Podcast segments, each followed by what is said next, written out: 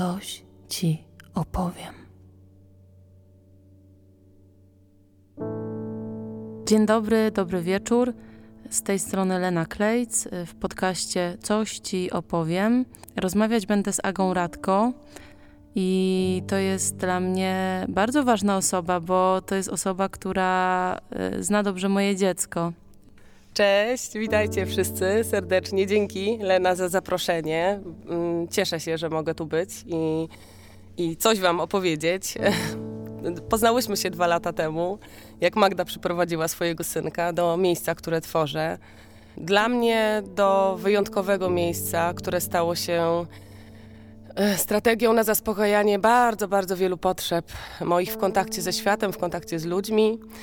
No i właśnie tam poznałam się z Józkiem i z Leną i z jej rodziną. E, I dlatego tu teraz jestem. Mm, z tego co ja wiem, Dom na Górze to jest takie zwieńczenie Twoich y, marzeń zawodowych. A gdybyś miała powiedzieć, co było wcześniej? No wcześniej była droga, wiele różnych doświadczeń. Mm, mm, ważnych, ciekawych, którym też trochę mm, zaprzeczałam, wiele różnych kryzysów, e, wiele rzeczy, za które jestem wdzięczna.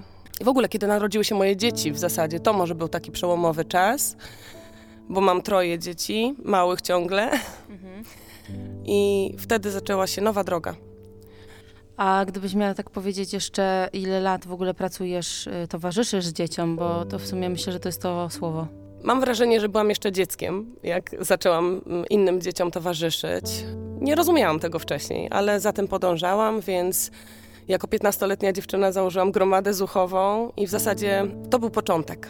Gromada zuchowa, jedna, druga, drużyna harcerska. Potem towarzyszyłam też y, y, chłopcu z porażeniem mózgowym, gdzie jako wolontariusz uczestniczyłam w sesjach terapeutycznych, wspierając rodziców y, w ich drodze i w ich pracy na rzecz ich syna. Po drodze były studia i w zasadzie na czwartym roku dziennych studiów zaczęłam już zawodowo pracować w organizacji pozarządowej, gdzie prowadziłam najpierw dom dziennego pobytu dla dzieci właśnie przedszkolnych, później dla dzieci w wieku 6 do 12 lat i, i łączyłam to też e, z prowadzeniem domu dla młodzieży już od 12 e, roku życia wzwyż, bo tak naprawdę nie, nie było w tym miejscu limitu. Każdy odchodził, jak czuł się gotowy. I, i towarzyszyłam właśnie tym dzieciom i, i młodzieży najlepiej jak potrafiłam najbardziej wspierająco, jak czułam wtedy, że może być. I z tym doświadczeniem weszłam też w rodzicielstwo i w, dalej w projekt, który naz nazwałam Dom na Górze. I on właśnie trochę jest takim zwieńczeniem tych doświadczeń, ale też e, strategią na wiele potrzeb. Dlaczego Dom na Górze? Co ta nazwa z sobą niesie? No, zastanawialiśmy się nad nazwą, jaka ona może być, e, co ona będzie definiować. I trochę było tak, że ja czułam, że to jest e, przełomowy moment e, w naszym życiu, w życiu naszej rodziny, w moim życiu. I bardzo wiele przeszkód było po drodze. Mm, a on sam jest odpowiedzią na w ogóle też zmianę myślenia w sposobie towarzyszenia dzieciom. I mm, trochę chciałam, żeby ta nazwa odzwierciedlała i drogę, i, i po prostu cel. I ten dom jest na górze, bo droga do niego nie jest łatwa. Jest po prostu pod górę. Ale, ale w nim samym jest już bezpiecznie. On jest bezpieczną bazą. E, spotykamy się tutaj, bo są święta i zaprosiłam Cię do takiego tematu związanego też z e-bookiem, który wydałam, czyli Inne Święta. To jest temat o duchowości dzieci, sam e-book mm, jest y, jakby takim moim, moim wglądem w temat doświadczenia świąt Bożego Narodzenia dla y, osób, które odeszły z kościoła. Pomyślałam, że będąc też mamą dwójki dzieci, że ten, nie wiem, kryzys, czy, czy po prostu to doświadczenie, ono y, no, nie jest oderwane od mojej rodziny i od tego, że jestem mamą i chciałam po prostu porozmawiać e, z Tobą o duchowości dzieci, bo będąc y, lata w kościele, no ta duchowość była nieodzowna. A teraz y, zadaję sobie takie pytania, wiesz, podstawowe i tu chciałam właśnie zacząć od takiego, które jest takim no, otwartym, mocnym pytaniem. Czy z Twoich obserwacji, y, właśnie jako pedagogzki, miałaś styczność z bardzo wieloma małymi ludźmi? Czy dzieci samoistnie interesują się światem duchowym? Tak samoistnie, wiesz, że, że nie było przedtem dorosłego w tym miejscu, a dziecko chce o tym mówić, czuje, komunikuje takie potrzeby. Wiesz, jak e, stawiasz przede mną to pytanie, to e, zaczynam zastanawiać się, co to w ogóle dla mnie jest duchowość. I czuję, że to jest taka przestrzeń w nas, taka bardzo pojemna, w której tęsknimy za czymś albo za kimś, szczególnie y, nie zmaterializowanym tym czymś. Taka potrzeba dążenia do harmonii i równowagi i kontaktu społecznego. Kiedy pytasz mnie, czy dzieci samoistnie interesują się duchowością, to mam ochotę od razu odpowiedzieć, że, że duchami się interesują i y, że to zdecydowanie ujawniają, ale ja y, powiem szczerze, trochę nie mam jasności, o co, y, o co jeszcze w tym chodzi. Zgaduję, że mm, to może być strategia na bardzo wiele różnych y, potrzeb. Y, dzieci bardzo lubią się bać lubią przeżywać przygody, lubią wyzwania i czuję, że to jest trochę o tym, że to nie do końca jest o, yy, o takim kontakcie z jakimś pozamaterialnym światem. Natomiast e, oczywiście te sytuacje, w których wypływają tematy duchów, to są momenty, w których one mm, zadają czasem pytania, a skąd się biorą duchy, co to są duchy, jakby trochę ujawniają zaciekawienie, ale ja trochę nie mam jasności, e, jakie potrzeby leżą e, u podstaw tych pytań. Natomiast mam też bardzo duże zaufanie do tego, że dzieci mają bardzo bogaty wewnętrzny świat, być może duchowy, i jestem w takim zaufaniu, e, że każdy z nas, i dziecko, i dorosły, jest kompetentny, żeby ten swój świat duchowy posiadać. Okay. Posiadać rozwijać go we właściwym dla siebie tempie. Mhm. I kiedy mnie pytasz, czy ja mam takie doświadczenia, że dzieci ujawniają takie zainteresowanie światem duchowym, to powiem, że, że nie. Okay. Mhm. Że samoistnie tego nie obserwuję. Też y, chcę tu y, dodać, że y, w domu na górze towarzyszymy dzieciom w taki bardzo bliskościowy sposób, w mhm. szacunku, w otwartości na dziecka tak i dziecka nie. Dzieci dostają bardzo dużo przestrzeni do tego, żeby mogły być przy sobie. Mhm. I kiedy dziecko jest przy sobie, my mamy niesamowitą okazję, wyjątkową wręcz dostrzegać, jakie ono jest i co jest dla niego ważne. Kiedy mnie pytasz o ten świat duchowy, mhm. to ja powiem ci, że nie widzę tego, że one samoistnie, mhm. bez presji, bez modelowania, zdradzają taką potrzebę rozmawiania o tym, uzewnętrzniania tego. Mhm. Czyli y, rozumiem, że to y, polega bardziej, czy to idzie od takiej strony, że dziecko już przychodzi, tak sobie to wyobrażam, z jakimś światopoglądem, oczywiście na swój dziecięcy sposób przyswojony. Oczywiście nie chodzi mi o to, że przychodzi i tam, nie wiem, recytuje jakieś modlitwy, tylko bardziej, że ono ma to jakby przesiąka tym z zewnątrz, no to, co widzi w domu, to, co widzi u, dla, uważnych dla siebie osób. To są te punkty, mm, gdzie w ogóle y, materializuje jakoś y, tą duchowość, że ją przypisuje na przykład do jakiejś wiary, i tak dalej, że to jest bardziej w tą stronę niż e, w stronę, że przychodzi i po prostu macie rozmowy. Bo ty w domu na górze e, wiek dzieci to jest od... Od trzeciego roku życia do szóstego. Jakieś takie mam też pytanie, które mi tu przychodzi, no to jak na przykład w czasie świąt towarzyszycie dzieciom? I jak do tego podchodzisz, Aga? Ważne jest to, że, że, że żeby wypłynęło, że w domu na górze mm, mamy taką otwartość na to, że każdy ma inaczej. I to jest trochę o tym, mm, że nasze miejsce wybierają często dorośli dla swoich dzieci, którzy są w jakiejś zmianie, są w jakiejś transformacji. Mają taką otwartość, żeby mm, zezwolić dziecku na określenie siebie, na podążanie własną drogą. W związku z tym w naszej społeczności są bardzo różnorodne rodziny. I to są rodziny różnych wyznań, to są rodziny, które mm, są w procesie odejścia od kościoła, są rodziny, które szukają swojej drogi, są rodziny, które określają się jako ateistyczne, niewierzące w żadną siłę. Są rodziny, które, nie wiem, zawierzają jakiejś ważnej energii, która ich prowadzi. I z tym wszystkim y, my jesteśmy z dziećmi. I zbliżają się święta. I co z, z tym? I nie jest łatwe zaopiekować te wszystkie rzeczy, ale mam takie doświadczenie, że kiedy w ogóle jesteśmy z dziećmi, to nie jest taka rzecz, którą. To nie jest taka tradycja świąteczna, tylko to jest nasza tradycja każdego dnia, że jesteśmy w szacunku, w empatii, w przyjęciu tego, że ktoś może mieć inaczej. Uwaga, co bardzo ważne, y, y, porozumiewamy się językiem osobistym. Nie tylko my dorośli, ale też dzieci. I to jest piękne i niesamowite, że mm, dołączające do nas dzieci w zasadzie potrzebują czasem tygodnia albo dwóch i potrafią mówić to dla mnie ok, to dla mnie nie ok, potrafią zadać sobie pytanie, jak to dla mnie, kiedy mhm. coś się dzieje. Mhm. E, I mm, Wspieramy je w takim nieoceniającym przyjmowaniu siebie nawzajem. Wspieramy ich w takim przekonaniu, że to, jak mamy, to, co wybieramy, to jest najlepsza dostępna strategia na ten moment w zaspokojaniu swoich potrzeb. Patrzę trochę na, na duchowość, na wiarę, jako na strategię. Mhm. Na strategię, na zaspokojenie bardzo wielu różnych potrzeb. Możemy sobie zaraz pozgadywać jakich, mhm. ale kiedy w taki sposób mm, to widzę, to nie, nie jest dla mnie wyzwaniem wspieranie dzieci w tych różnych kawałkach.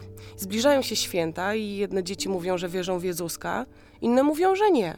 Ja wtedy mogę z ciekawością powiedzieć: Aha, okej. Okay. A jak y, ty mówisz, że wierzysz, to powiesz mi coś więcej, o co chodzi? I wtedy słyszę: Tak, bo moi rodzice, bo mamy taką tradycję, bo w święta dzieje się tak. Y, ja, ja pytam: mogę zgadywać, że to dla ciebie ważne, czy tak? Tak. Okej. Okay. Chcesz, możemy poszukać razem jakiejś historii na temat y, y, tego, co, y, co jest dla was ważne. Mhm. I wtedy możemy szukać. Mamy, mamy w e, naszym mm, domu na górze bardzo wiele różnych książek z legendami świątecznymi i o Mikołaju i o elfach, ale też o mm, e, narodzeniu y, Jezusa, o Maryi, o Józefie. I, y, y, jesteśmy w stanie tak naprawdę sięgać do różnych kawałków tego, w co dzieci wierzą w okolicy świąt. Okej. Okay. Macie choinkę? E, właśnie dziś się obsadza i będziemy dzisiaj ją ubierali i z tego powodu też bardzo chciałabym e, w tym uczestniczyć. A jak widzisz dzieci, które ubierają choinkę, to co widzisz? Co widzisz w nich? Co to jest? O czym to jest? Ja widzę ekscytację, mm, widzę mm, taką energię, mm, którą trudno zaobserwować w innych y, kawałkach roku. Ja widzę, że choinka, że święty Mikołaj, że mm, to jest, to jest zabawa. Dzieci kochają się bawić. Mhm. Dzieci uwielbiają historię, robią to codziennie, bardzo mhm. kompetentnie. Bawią się w rodzinę, w dom, w lekarza, w kotki, w duchy, w zombie, w koncert e, duchów. Cały czas się bawią. Mhm. To jest coś, co je cały czas zajmuje. A czas świąt to jest taki kawałek, który zajmuje też dorosłych. I to daje niesamowitą, e, niesamowitą wspólnotę. Dla mnie to jest o tym, że to się staje jeszcze bardziej prawdziwe, dlatego że dorośli też e, podejmują tą zabawę. Powiedziałaś o tej wspólnocie, że dzieci y, widzą, że dorośli wchodzą żywo w Boże Narodzenie, wszystko, co się z tym wiąże, jeśli chodzi o przygotowania. Też takie rytuały, ceremonie takie, no nie? Bo dla mnie to jest jakaś ceremonia, ubieranie choinki i tak dalej, tak też można do tego podchodzić. Czy dla dzieci, Twoim zdaniem, jest ważna wiara, którą wyznają rodzice? No, zastanawiałam się właśnie nad tym i mm, wspomniałam wcześniej, że mm, w ogóle trochę patrzę już teraz na wiarę jako y, strategię, strategię dorosłych na zaspokojenie bardzo, bardzo wielu y, potrzeb. I my ludzie w potrzebach jesteśmy spójni. Mhm. Wszyscy mamy takie same potrzeby, natomiast korzystamy z różnych strategii. I kiedy zastanawiam się, jakie potrzeby zaspokaja właśnie wiara, to myślę, że to jest sens, bezpieczeństwo, bliskość, wspólnota, miłość, szacunek, harmonia. Na pewno to może być potrzeba piękna, ale też wzajemnej zależności. Mam takie uczucie, że dzieci czasem próbują zrozumieć, o co chodzi rodzicom z tą wiarą. Że nie Aha. do końca mają jasność, ale mm, próbują tego dotykać. Kiedy zadaję sobie pytanie, czy dlatego, że wiara rodziców jest dla nich istotna, to czuję, że nie, że to nie o to chodzi. Zgaduję, że to jest o tym, że mm, to dlatego, że rodzice są dla nich ważni. W życiu dziecka dorosły i świat jest fundamentem i jest strategią na zaspokojenie bardzo wielu potrzeb. Więc e, jako dziecko chcę być w tym, bo dokładnie takie same potrzeby u dzieci zaspokaja dorosły. W jakim sensie? W, wspiera go, próbuje odgadywać potrzeby, podpowiada strategię, sprawdza z dzieckiem, czy to będzie ok, czy to zaspokoi tą potrzebę. Ale zgodzisz się ze mną, tak zgaduję, że potrzebę e, bezpieczeństwa, przynależności, wspólnoty przede wszystkim i na początku realizujemy w swojej najbliższej wiosce, czyli w rodzinie. No tak, i właśnie jeżeli w tej wiosce też jest kościół, no to wtedy jakby to się skleja, nie? Że, że, że to nie jest właśnie o konkretnie wyznawanej wia- wiarze, wierze, wierze, wierze, tylko o, o byciu częścią tego, w czym jest moja rodzina. Wiesz co, ja tak próbuję sobie przypomnieć teraz tak spontanicznie, jak ja się czułam, kiedy byłam w kościele jako dziecko. I pamiętam takie, takie rzeczy, że w kościele nie można było jeść, że to było takie miejsce, gdzie trzeba było siedzieć, być grzecznym. Pamiętam, że to było dla mnie trudne, ale też był taki drugi kawałek, że rzeczywiście ja czułam, że jak przychodzi ta niedziela, to do kościoła się po prostu idzie i że idziemy razem wszyscy, że siadamy w jednej ławce, że po prostu coś się zacznie zaraz dziać. Ja wiedziałam, jaki to jest porządek te, tego, tej, tej uroczys, uro, uroczystej mszy. I po prostu dla mnie to rzeczywiście nie było w tym wczesnym dzieciństwie. Tak myślę, że ja wiem. Y, oczywiście pierwsza komunia się też w tym znajduje. To jest dalej to wczesne dzieciństwo dla mnie, że to po prostu nie było o duchowości. Ja tak sobie myślę, że to cały czas odbywa się na takim poziomie. Wiesz, nie wiem do końca o co wam chodzi, ale skoro to dla was ważne, to okej. I tak mogłoby odpowiedzieć dziecko, któremu zadaje się pytanie, jak to dla ciebie. Najczęściej zgaduję, że dzieciom nie zadaje się tego pytania. Jak to dla ciebie, żeby pójść ze mną do kościoła? Dziecko bardziej e, na poziomie intuicyjnym, bezrefleksyjnym, nie na takim poziomie rozumienia, towarzyszy rodzinie. Często też z tego powodu, że nie ma innej możliwości. I mm, kiedy opowiadałaś to teraz o tych Twoich doświadczeniach, to otworzyło mi się też takie, mm, ta, takie, takie kawałki, znowu związane z, z potrzebami i strategiami. E, Próbuję sobie wyobrazić, że wspólna msza święta to jest taki moment w tygodniu, kiedy cała rodzina patrzy w jedną stronę Oj tak. kiedy cała rodzina siedzi na ławce. To może być też potrzeba struktury, to może być też zaspokojona potrzeba piękna. Jak piękne są ołtarze. Mm, Myślę, że to może być też piękne doświadczenie, ale czy na świadomym poziomie?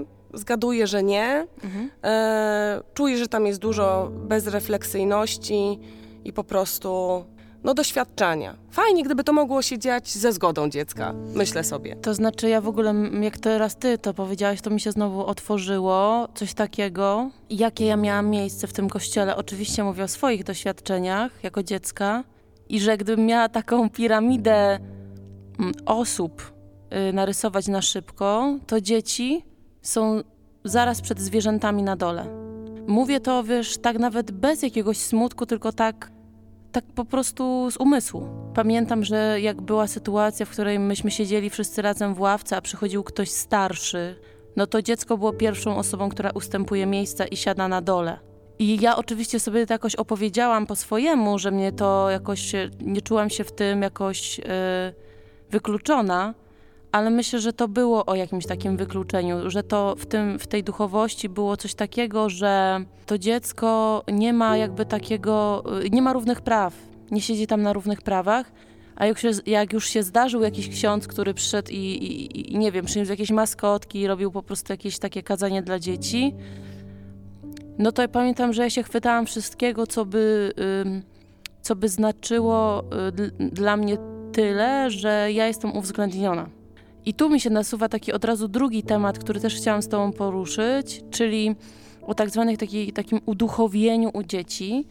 co w katolicyzmie jest takim szerowanym e, też tematem pod tytułem, wiesz, są ci wszyscy różni święci, tacy mali, nie wiem, Mała Tereska, czy właśnie tak w Polsce Kar Karolina Kuskówna, czy, czy wiesz, i, i, czy, czy, czy, no różni, Dominik Savio, tak ci po prostu wymieniam z głowy w tej chwili. Ostatnio sobie zdałam z tego sprawę w ogóle, bo chodzi mi o samo zjawisko, jakby nie, nie zaraz mi powiesz, czy w ogóle kojarzysz ludzi.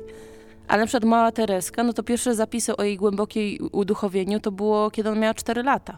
I pamiętam, że czytając to już na takim etapie, kiedy już bardzo mocno reflektowałam mm, różne rzeczy, które Kościół podaje, to, y, no to były dla mnie jakieś zapisy o jakiejś potwornym niezrozumieniu i przemocy ze strony dorosłych, którzy całe życie podporządkowują duchowości, nie widząc y, y, emocjonalnego, rozwojowego procesu u dziecka y, wewnętrznego. Też, też myślę, że też to jest o czasach, które mm, po prostu były zanim pojawiły się po prostu jakiekolwiek nieautorytarne nurty wychowawcze, no nie? Ale to jest jakby inny temat, ale generalnie do dzisiaj jest taki mit uduchowionego dziecka, jak ty mi mówisz po prostu wcześniej, odwołując się do początku naszej rozmowy, że takiej, takiej potrzeby duchowości, no że to jest bardziej u dorosłych. Może zrobię taki obrazek. Dziecko, które codziennie modli się na różańcu, mając, nie wiem, 5 lat, yy, to trochę, no nie? Które chodzi na msze, klęczy, płacze, po prostu modli się yy, po prostu ze wzruszeniem do Boga, czy do, nie wiem, czy do Maryi, no to, że to jest jakiś obrazek, który mnie osobiście niepokoi, ale który istnieje w Kościele, że właśnie ci święci, te wybitne jednostki duchowe, od dziecka. To jest taki, e, był uduchowiony, to jest taki cytat. Od dziecka e, była bardzo oddana Bogu. Od dziecka była wyjątkowo uduchowiona, uduchowiona czy uduchowiony. Jakbyś mogła się do tego odnieść. Co ci to robi, Agnieszka? Jak tego słuchasz? Dzięki, że zadałaś mi to pytanie. Ono mnie y, zatrzymało i myślę o dzieciach, i tak sobie myślę, że chciałabym w tej sytuacji spróbować oddzielić to, co dorośli subiektywnie określają jako dziecko nadmiernie uduchowione czy uduchowione, mhm. a od zachowań, które mogą wskazywać na taki stan, które mogą dorośli interpretować jako, że dziecko tak ma. Nie? Ja, ja w swoim doświadczeniu, jakby nie tylko tym ostatnim z domu na górze, ale w ogóle w zasadzie od 2004 roku, kiedy zaczęłam pracować zawodowo z małymi dziećmi, nie spotkałam ani jednego takiego dziecka. Ani jednego takiego dziecka nie spotkałam, ale spotkałam bardzo wiele dzieci, którym podawano za wzór właśnie dzieci, które prezentowały takie postawy. I zadaję sobie pytanie, jak to możliwe, że dorośli obserwowali takie zachowania u dzieci? Jak to możliwe, że były w historii takie postacie wśród dzieci, które e, określa się, że miały takie bardzo bogate duchowe życie, że mm, mm, okazywały tą wiarę w taki poruszający dla innych sposób. I doszłam do takich dla mnie y, trudnych i bolesnych wniosków. To o mnie i o moim pomyśle na to, który trochę mnie wystraszył. I myślę sobie, że chciałabym spojrzeć na tą sytuację, na, na, na to, ten kawałek, jak na sytuacje, które mogą mieć miejsce w, ta, w takim mm, doświadczeniu, ale też potrzeby. Potrzeby niezaspokojone i zaspokojone dziecka. Bo trochę można by powiedzieć, że to też może być na poziomie intuicyjnym strategia dziecka. Strategia na przykład na przetrwanie. Próbuję sobie przypomnieć też sytuacje, kiedy my dorośli odwołujemy się do wyższych sił. I czuję, że to są sytuacje, kiedy ktoś bliski umiera, kiedy nie mam nadziei, kiedy czuję, że prawie fizycznie umieram, kiedy czuję, że nie mam się na kim oprzeć. I trochę wstrząsające dla mnie było to, że małe dziecko może być w takiej sytuacji. Bo sytuacje, które mm, ja sobie tu nawet zanotowałam, bo y, potrzebowałam jakoś zmaterializować te myśli, to jest właśnie między innymi taka sytuacja, kiedy dziecko nie ufa ludziom. Jest na przykład przez ludzi krzywdzone. W jego świecie materialnym nie znajduje takiego oparcia. albo kiedy dziecko jest w kryzysie, na przykład w braku możliwości zaspokajania fundamentalnych potrzeb. Wcześniej wspominałam, że ja trochę widzę tak, że to my dorośli jesteśmy odpowiedzialni za to, żeby usłyszeć potrzeby dziecka, poszukać o co chodzi i sprawdzić, czy możemy pomóc dziecku w zaspokojeniu potrzeb. Mam na myśli przeróżne i takie z obszaru zupełnie podstawowych fizykalnych potrzeb, jak mm, głód, pragnienie, ale też i emocjonalnych. Komfort fizyczny, bezpieczeństwo, bezpieczeństwo emocjonalne, fizyczne, rozwój, tak? I myślę sobie, że mm, kiedy dziecko nie ma takiego oparcia i świat, czyli też dorośli ludzie, nie są w stanie odpowiadać na te potrzeby, to ono może mieć taką, może szukać tego oparcia w tych wyższych siłach. I też czuję, że to może być trochę o braku nadziei. O braku nadziei, o bezradności bezsilności, że coś w życiu dziecka może się zmienić. I, i jak sobie za, za, zadaję pytanie, jakie właśnie niezaspokojone potrzeby mogą za tym iść, to, to myślę sobie, że właśnie i poczucia własnej wartości, i akceptacji, i mm, autentyczności, bezpieczeństwa, miłości, wiary, nadziei, harmonii, ale też bliskości, wspólnoty, bycia branym pod uwagę, bycia usłyszanym.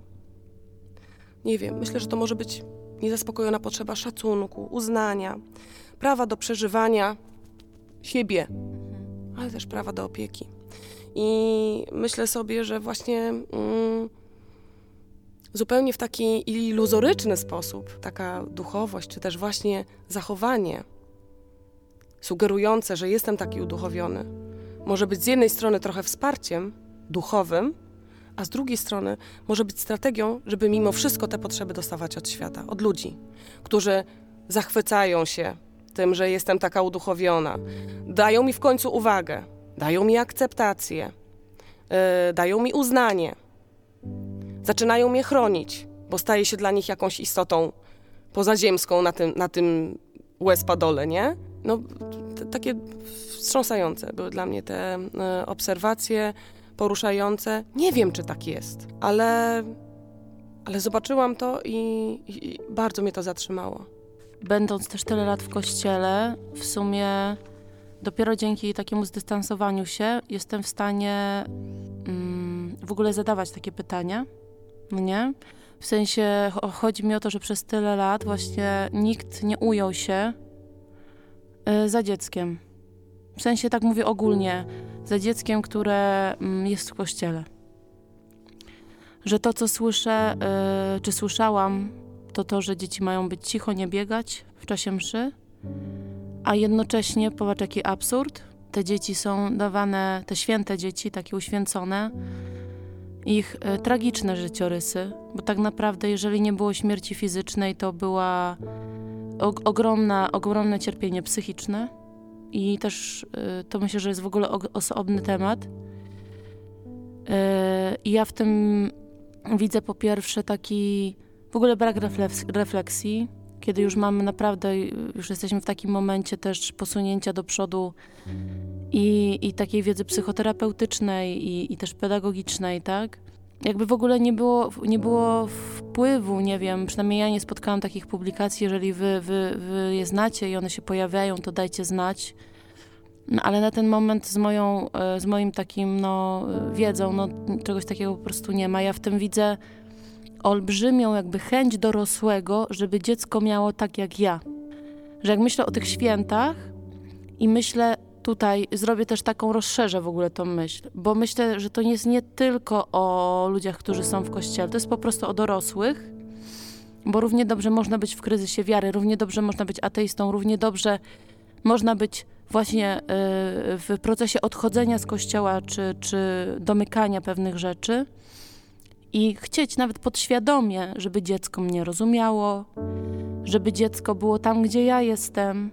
Um, nawet nie, nie w tym miejscu duchowo, ale po prostu, żeby było za mną, nie? Że jakby nie istnieje samo. Niejednokrotnie zastanawiam się nad swoimi wyborami mhm. i jak one, jaki one mają wpływ na moje dzieci, jaki one mają wpływ na moją pracę I mm, pomaga mi wtedy taka myśl, że mm, taka myśl, która mm, wspiera mnie w szukaniu empatii właśnie dla dorosłych. Bo próbuję sobie wyobrazić taką sytuację, że mm, mamy dostępne wybranie gorzej dla naszego dziecka i robimy to świadomie. I myślę, że taka sytuacja w ogóle nie ma miejsca na Ziemi. Nie zawsze wybieramy właściwie, ale mm, wybieramy w obliczu tego, co uznajemy za wspierające. I to takie może mm, jest tłumaczące, ale tu nie chciałabym mylić empatii do takiej postawy i empatii do dorosłych i zrozumienia z tym, że zatrzymuję się w miejscu i bezrefleksyjnie nie patrzę do przodu. Nie sprawdzam, jak to jest dla mojego dziecka. Czyli po prostu tak chodzi o to, że żeby też y, dać sobie taką przestrzeń i łagodność, y, bo po prostu ta część życia, no tak jak też no, różne inne, ale jesteśmy przy tej duchowej y, sferze, po prostu no, nie jest czarno-biała. I w takim znaczeniu, żeby też, żeby siebie jako rodziców, jako dorosłych opiekunów też dać sobie takie prawo do tego, żeby nie wiedzieć, też co dziecku powiedzieć, Wyjęłaś mi to z ust. Dokładnie to była myśl, która mi przyszła, jak, e, jak mówiłaś przed chwilą, co mówiłaś. I myślę sobie, że mamy prawo nie wiedzieć. Mamy prawo być w takim momencie, żeby przed sobą przyznać, że nie wiem, co mam zrobić i że dziś będzie tak, ale będę obserwować, jak to jest dla nas wszystkich i zrobię inaczej, jak uznam, że to jest niewspierające ale nie biczować się i nie katować za to, że przeżyłam trzy razy święta w charakterze katolickim, mimo że odeszłam od kościoła, nie biczować się za to, że moje dziecko ma mętlik w głowie, że czegoś nie rozumie. Jesteśmy koło dzieci, jesteśmy przy dzieciach. Jesteśmy po to, żeby odpowiadać na ich pytania. Zgaduję, że one mają dużo mniej zagubienia niż myślimy. Jak ty czujesz ten temat takiego nachodzenia na siebie naszej duchowości, znaczy dorosłej duchowości i, i, i dziecka? Po prostu już, już nie, nie wyodrębniając duchowości dziecka. O co mi chodzi? Mm, że dziecko widzi, nie? Dziecko widzi, że mama chodzi do kościoła, a tata nie, albo na odwrót. Dziecko widzi, że nie wiem, rodzice chodzili do kościoła przez, nie wiem, 6 lat odkąd żyje i teraz nie, nie, coraz rzadziej chodzą. chodzą. Dziecko widzi, że u Ali w domu jest tak, że rodzice mm, chodzą do kościoła, a u mnie w domu nie. Dziecko widzi to, że, że coś się zmienia, że, że w ogóle w energii w domu coś się zmienia. No nie czuje. I teraz y, ja chyba po prostu chcę zapytać, jak być autentycznym z dziećmi, żeby też ich nie zalać swoją historią, bo nasze historie są często poturbowane. Jeżeli decyduję się na odejście z kościoła, to nie dlatego, że było tam tak świetnie, tylko właśnie dlatego, że było mi tam tak ciężko. Jakoś tak bardzo czuję, że chciałabym w tej naszej rozmowie, żeby to wybrzmiało nie jako gotowa recepta, ale w ogóle, żeby o tym pogadać. Jak być z dzieckiem, kiedy jestem właśnie w takim kryzysie i jednocześnie być autentycznym? Czy ja mogę powiedzieć dziecku, że jestem w kryzysie? Nie wiem, małemu, czy nie muszę mu tego mówić? Wiesz, jak być przywódcą, zranionym przywódcą, Aż się wzruszyłam trochę. No właśnie, ja też. Wiesz, Lena, pytasz mnie, jak być z dziećmi w takiej sytuacji. Pierwsza rzecz, która przychodzi mi do głowy, to być w prawdzie. Być w autentyczności, być w swojej kruchości, ale też sile. Mówić o sobie, ale wtedy, kiedy dziecko pyta. Czyli czekać na gotowość dziecka, czekać na jego zainteresowanie, na jego pytanie, nie inicjować długich, oczyszczających rozmów. Wiesz, trochę przekoloryzowuję, ale nie tłumaczyć się dziecku. To jest ważne pytanie, bo gdybym poczuła w sobie taką potrzebę, że mam ochotę wytłumaczyć dziecku, wprowadzić go w ten mój świat, w tą moją zmianę, to zastanowiłabym się, o co mi chodzi naprawdę. I jeśli y, dostrzegłabym, że to chodzi o podzielenie się, o ulgę, o wytłumaczenie się, o zrzucenie z siebie ciężaru, to bym pomyślała sobie, u stara, szukaj dorosłego, bo dziecko tego nie udźwignie. To nie jest temat dla dziecka. Czuję, że y, moment, w którym mogę dzielić się z dzieckiem tym, co we mnie żywe, autentyczne i ważne, to jest moment, w którym dziecko pyta. I tylko i wyłącznie w obszarze, o który pyta. Nic więcej. A dlaczego, Aga, tylko w tym obszarze? Chciałabym tak dopytać, dlaczego to jest ważne? Bo pytania zdradzają gotowość dziecka. Kiedy dziecko pyta, sygnalizuje nam, że ma pewną gotowość, żeby udźwignąć odpowiedź. Natomiast kiedy dziecko nie pyta, a my mm, zalewamy mu, przekazujemy mu informacje, nie do końca mamy jasność, czy to udźwignie. Ja uważam, że to jest sytuacja mocno ryzykowna. Y, Jest w dużym ryzyku naruszenia. Więc jak towarzyszyć? Na pewno obecnie, z gotowością na odpowiedzi, nie oceniać świata i mówić językiem nieoceniającym. To mnie bardzo wspiera. Co to znaczy mówić e, nieoceniającym językiem? Ja bym wykreśliła z swojego słownika dobre i złe.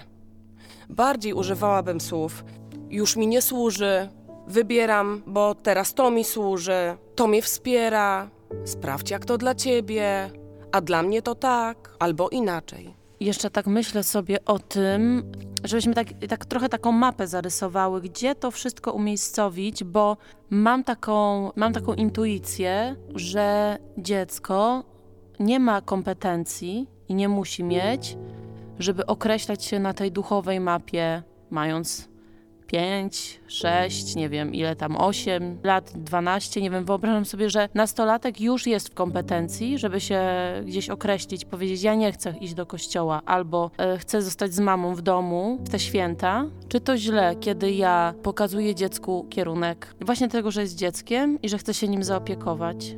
Słyszę i y, mam dużo empatii i sobie myślę, że wybierasz najlepiej jak możesz w danym momencie. Wskazujesz kierunki, które ci służą. Nie wiesz jak to jest dla twoich dzieci. Jasne, że tak. Nie masz, nie, nie masz jasności. Dopóki one nie będą w stanie ci na to odpowiedzieć, e, albo nie będą miały takich w ogóle fizycznych, wszelakich zdolności podążania swoją drogą, będą przy tobie będą obserwowały twoją drogę. Dla mnie ważne w tym procesie, kiedy dorosły nie idzie do kościoła i nie zabiera tam dziecka, i odwrotnie, chodzi do kościoła i zabiera tam dzieci, ważny jest kontakt z dzieckiem. Taka sytuacja, w której ja mówię, mi służy chodzenie do kościoła, idę, jak to dla ciebie? Chcesz iść ze mną, czy nie?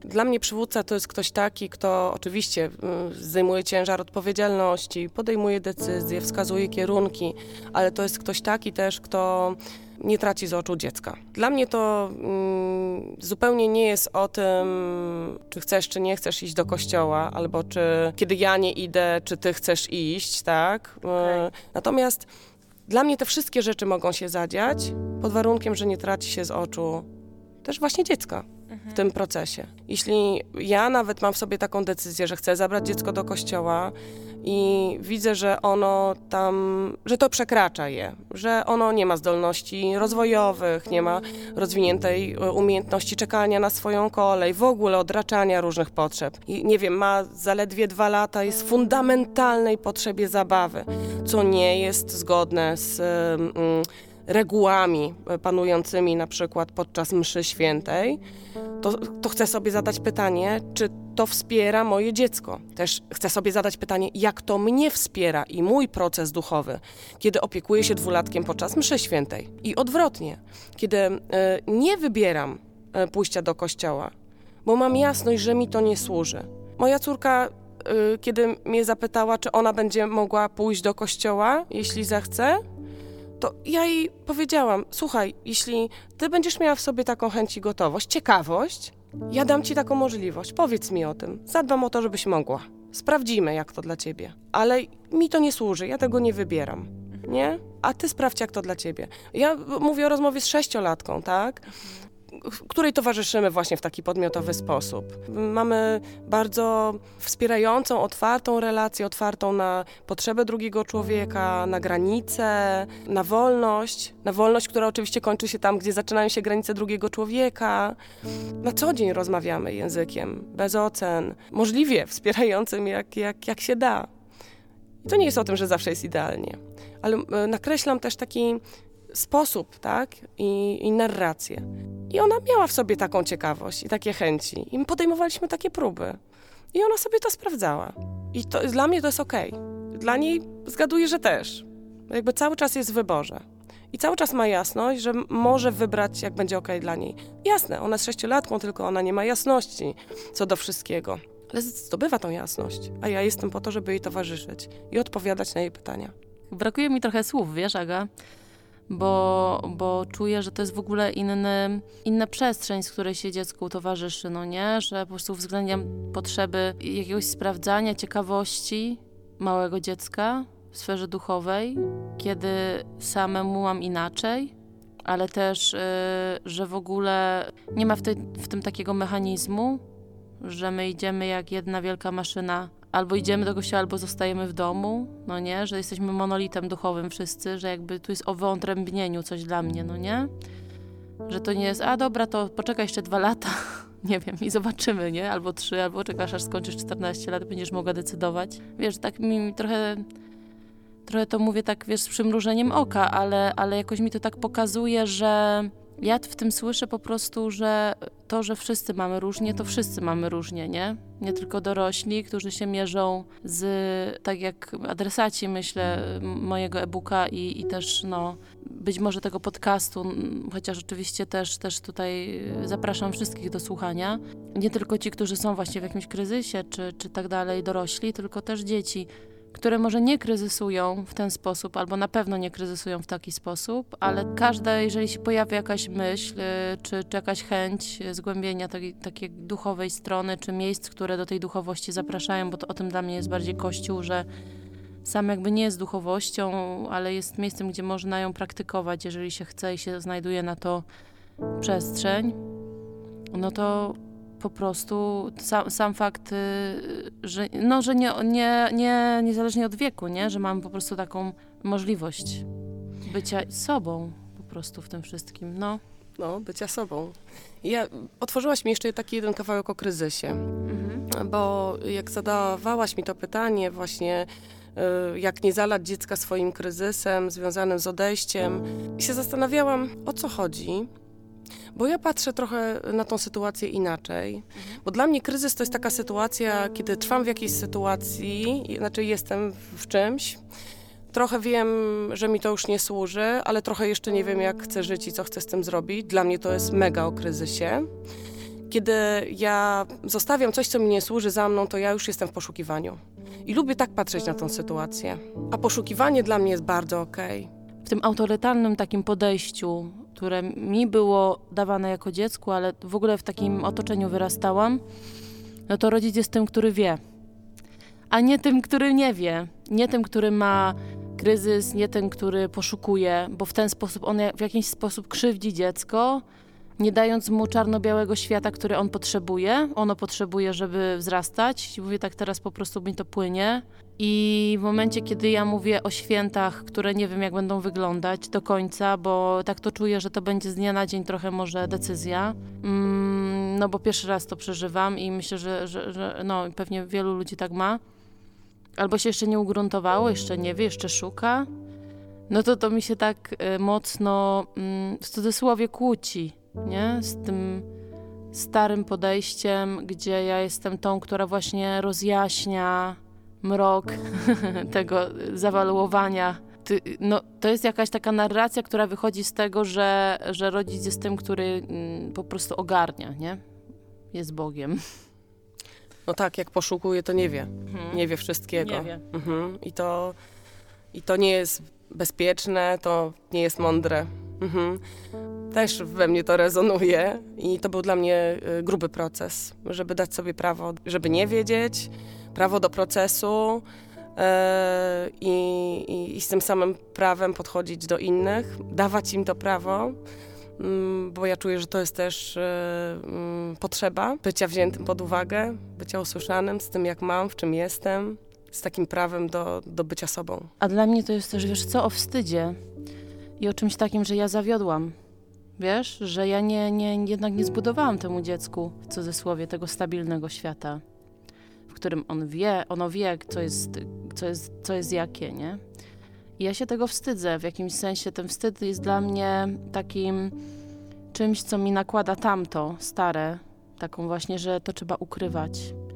To ja sobie muszę szybko znaleźć rozwiązanie i na przykład te święta tak nic nie zmieniać, no nie?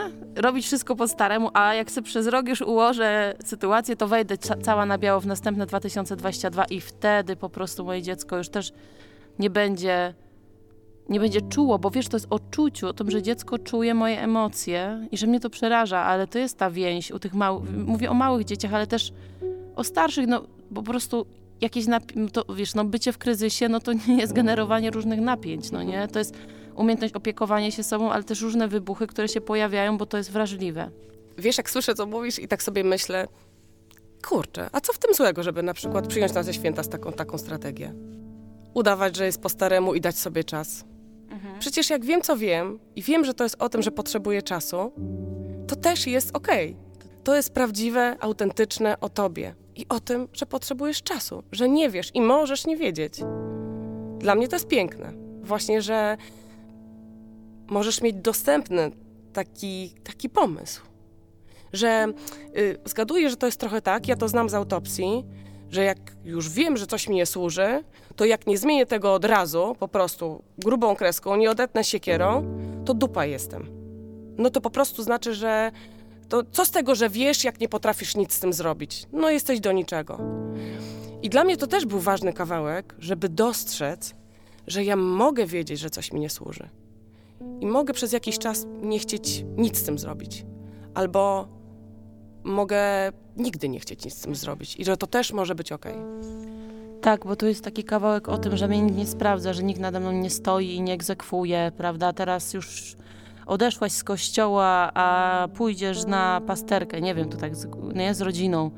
Co to jest w ogóle za brak konsekwencji? To jest jakby jedna rzecz, no nie? Ale, mm, ale co wtedy, kiedy jest też taka druga możliwość, kiedy ta pasterka jest dla mnie zbyt bolesna, żebym tam była. Wiesz, to jest bardzo w ogóle trudny k- kawałek, jak o tym mówimy, bo tu jest w ogóle o przeżywaniu żałoby y, przy, razem z dziećmi, no nie? Bo, bo w momencie, no dzie- dziecko po prostu nie jest amputowane za przeproszeniem z, tego, z tej sytuacji, jest y, oczywiście nie bezpośrednio, ale pośrednio towarzyszy, nie? To jest dla mnie taki temat właśnie, że ta autentyczność i też tak to ja czuję, dawanie sobie wsparcia, to co powiedziałaś, u dorosłych, nie? Jeżeli ja potrzebuję rozmowy, jeżeli potrzebuję się wypłakać, wykrzyczeć, nie? terapia, nie wiem, przyjaciel, który to mieści, bo, bo, bo to też jest, y, to też są bardzo takie potężne tematy, czy po prostu jakaś grupa ludzi, którzy myślą podobnie i mają podobnie, jakaś grupa wsparcia, nie? Ja to tak słyszę, że to jest bycie autentycznym przy dziecku, czyli robieniu właśnie tak, jak mnie to wspiera, czy ja po prostu zdecyduję się, że jeszcze te święta będę miała takie jak, prawie takie albo takie jak zawsze ale jestem w procesie, czy po prostu nie jestem w stanie nawet zaśpiewać kolendy, bo mnie wszystko boli, jak śpiewam, że Bóg się rodzi, a we mnie wszystko umiera, no nie? Więc, że to, te, tych rozwiązań jest mnóstwo, tak jak jest nas, nas wielu, no nie? Każdy ma swoje, więc z jednej strony ta autentyczność przy dziecku, bycia sobą, po prostu bycia w tym procesie i szukania wsparcia na zewnątrz, w sensie u innych dorosłych, że jakby to jest jakby to, to tak z tej naszej rozmowy wyciągam, że jakby dziecko w tym momencie, jeżeli powie mamo, pośpiewamy kolendy, to ja mogę poczuć, tak, w sobie, że, że, że moje dziecko mnie, mnie o to prosi, mogę podjąć decyzję, nie wiem, tak, pośpiewamy, no nie, zaśpiewamy razem, bo, bo ty chcesz zaśpiewać i dla ciebie to zu- zupełnie znaczy co innego niż dla mnie i oddzielamy to doświadczenie swoje od doświadczenia dziecka i rozszerzamy tą strefę komfortu. No albo mogę powiedzieć, słuchaj, y, dla mnie to jest trudne w tym roku, ale słyszę, że chcesz zaśpiewać i może tata z tobą pośpiewa. Zapytamy się go, czy pośpiewa z tobą, no nie?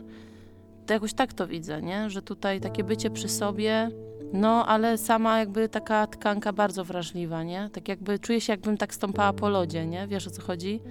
Że dużo delikatności do siebie, tak właśnie te nieoceniania siebie, niewymagania od siebie ponad siły, że to jest ten kierunek. Tak, ja właśnie też słyszę w tym, że tą delikatność i kruchość warto chronić. I ym, pięknie to, ym, pięknie to opowiedziałaś. Ym, tak bardzo podmiotowo i z tak z wzięciem pod uwagę obydwu stron. I ja w ogóle też ym, w tym i w ogóle w ważnych dla mnie tematach y, poszukuję równowagi. Y, Być może to jest takie po prostu trochę oklepane, gdzie ta równowaga jest, nie? Zawsze mam takie uczucie, że mm, jak jestem na biegunach, to że tam jest gorąco, że coś dzieje się niewspierającego. i z takim wglądem sprawdzam, co się dzieje, o co mi chodzi, e, mm, jak to dla mnie. No i właśnie kiedy jest ta istota, za którą jesteśmy odpowiedzialni, e, to nasze dziecko, które też jest ze swoimi potrzebami, z doświadczeniami, dla którego mm, te same rzeczy coś innego mogą oznaczać, nie? Mhm. I one są tam. I on dla nich też e, życie jest jakieś. Jest procesem, jest życiem. I ono pyta, czy zaśpiewamy kolendy. A ty jesteś teraz w delikatności, nie? Jakby, ja mam też takie doświadczenie, że bardzo często, mm, jak dzieci mówią nam, że mają jakąś potrzebę, że to nie zawsze jest o tym, że one mm, oczekują, że natychmiast ją się zaspokoi. Mam takie doświadczenie, że dzieci, w ogóle my wszyscy, w ogóle ludzie, najbardziej potrzebujemy być usłyszani.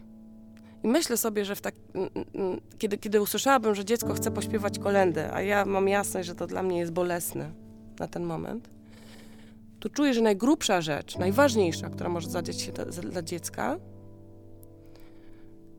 to rozmowa, czyli a, ty byś chciał pośpiewać kolendę, czy tak?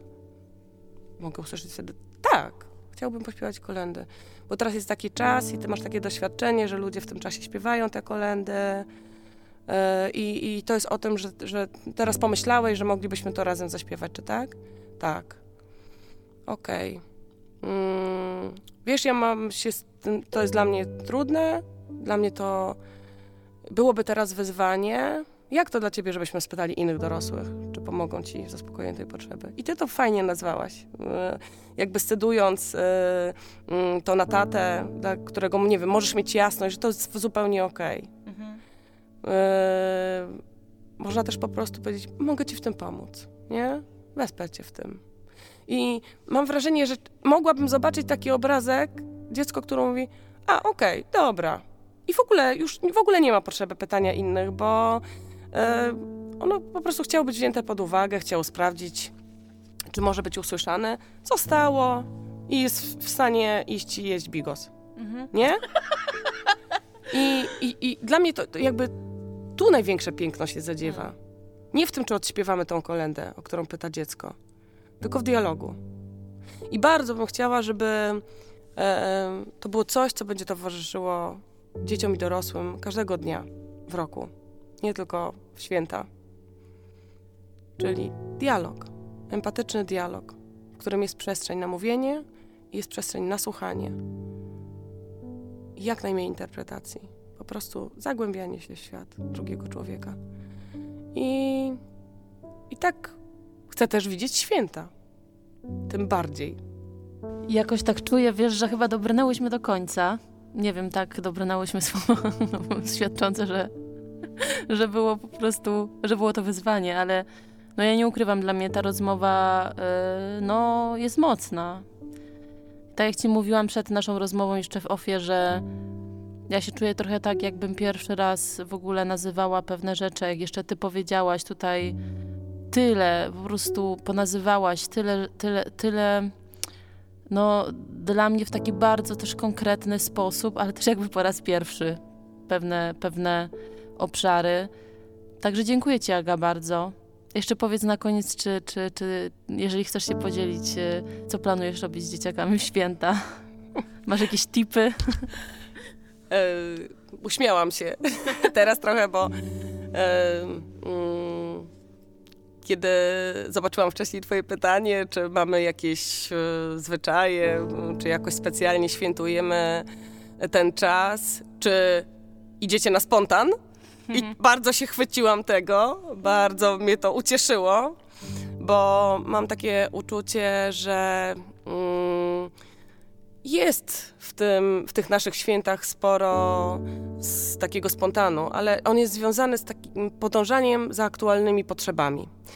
I mam, my odwiedzamy nasze rodziny, które mm, są katolickie i świętują e, jakby w obrzędzie katolickim i to po prostu jest dla nich ważne, ale osiągnęliśmy taki pułap, że jesteśmy w stanie spotkać się przy jednym stole w szacunku dla tego, co dla drugiego jest ważne.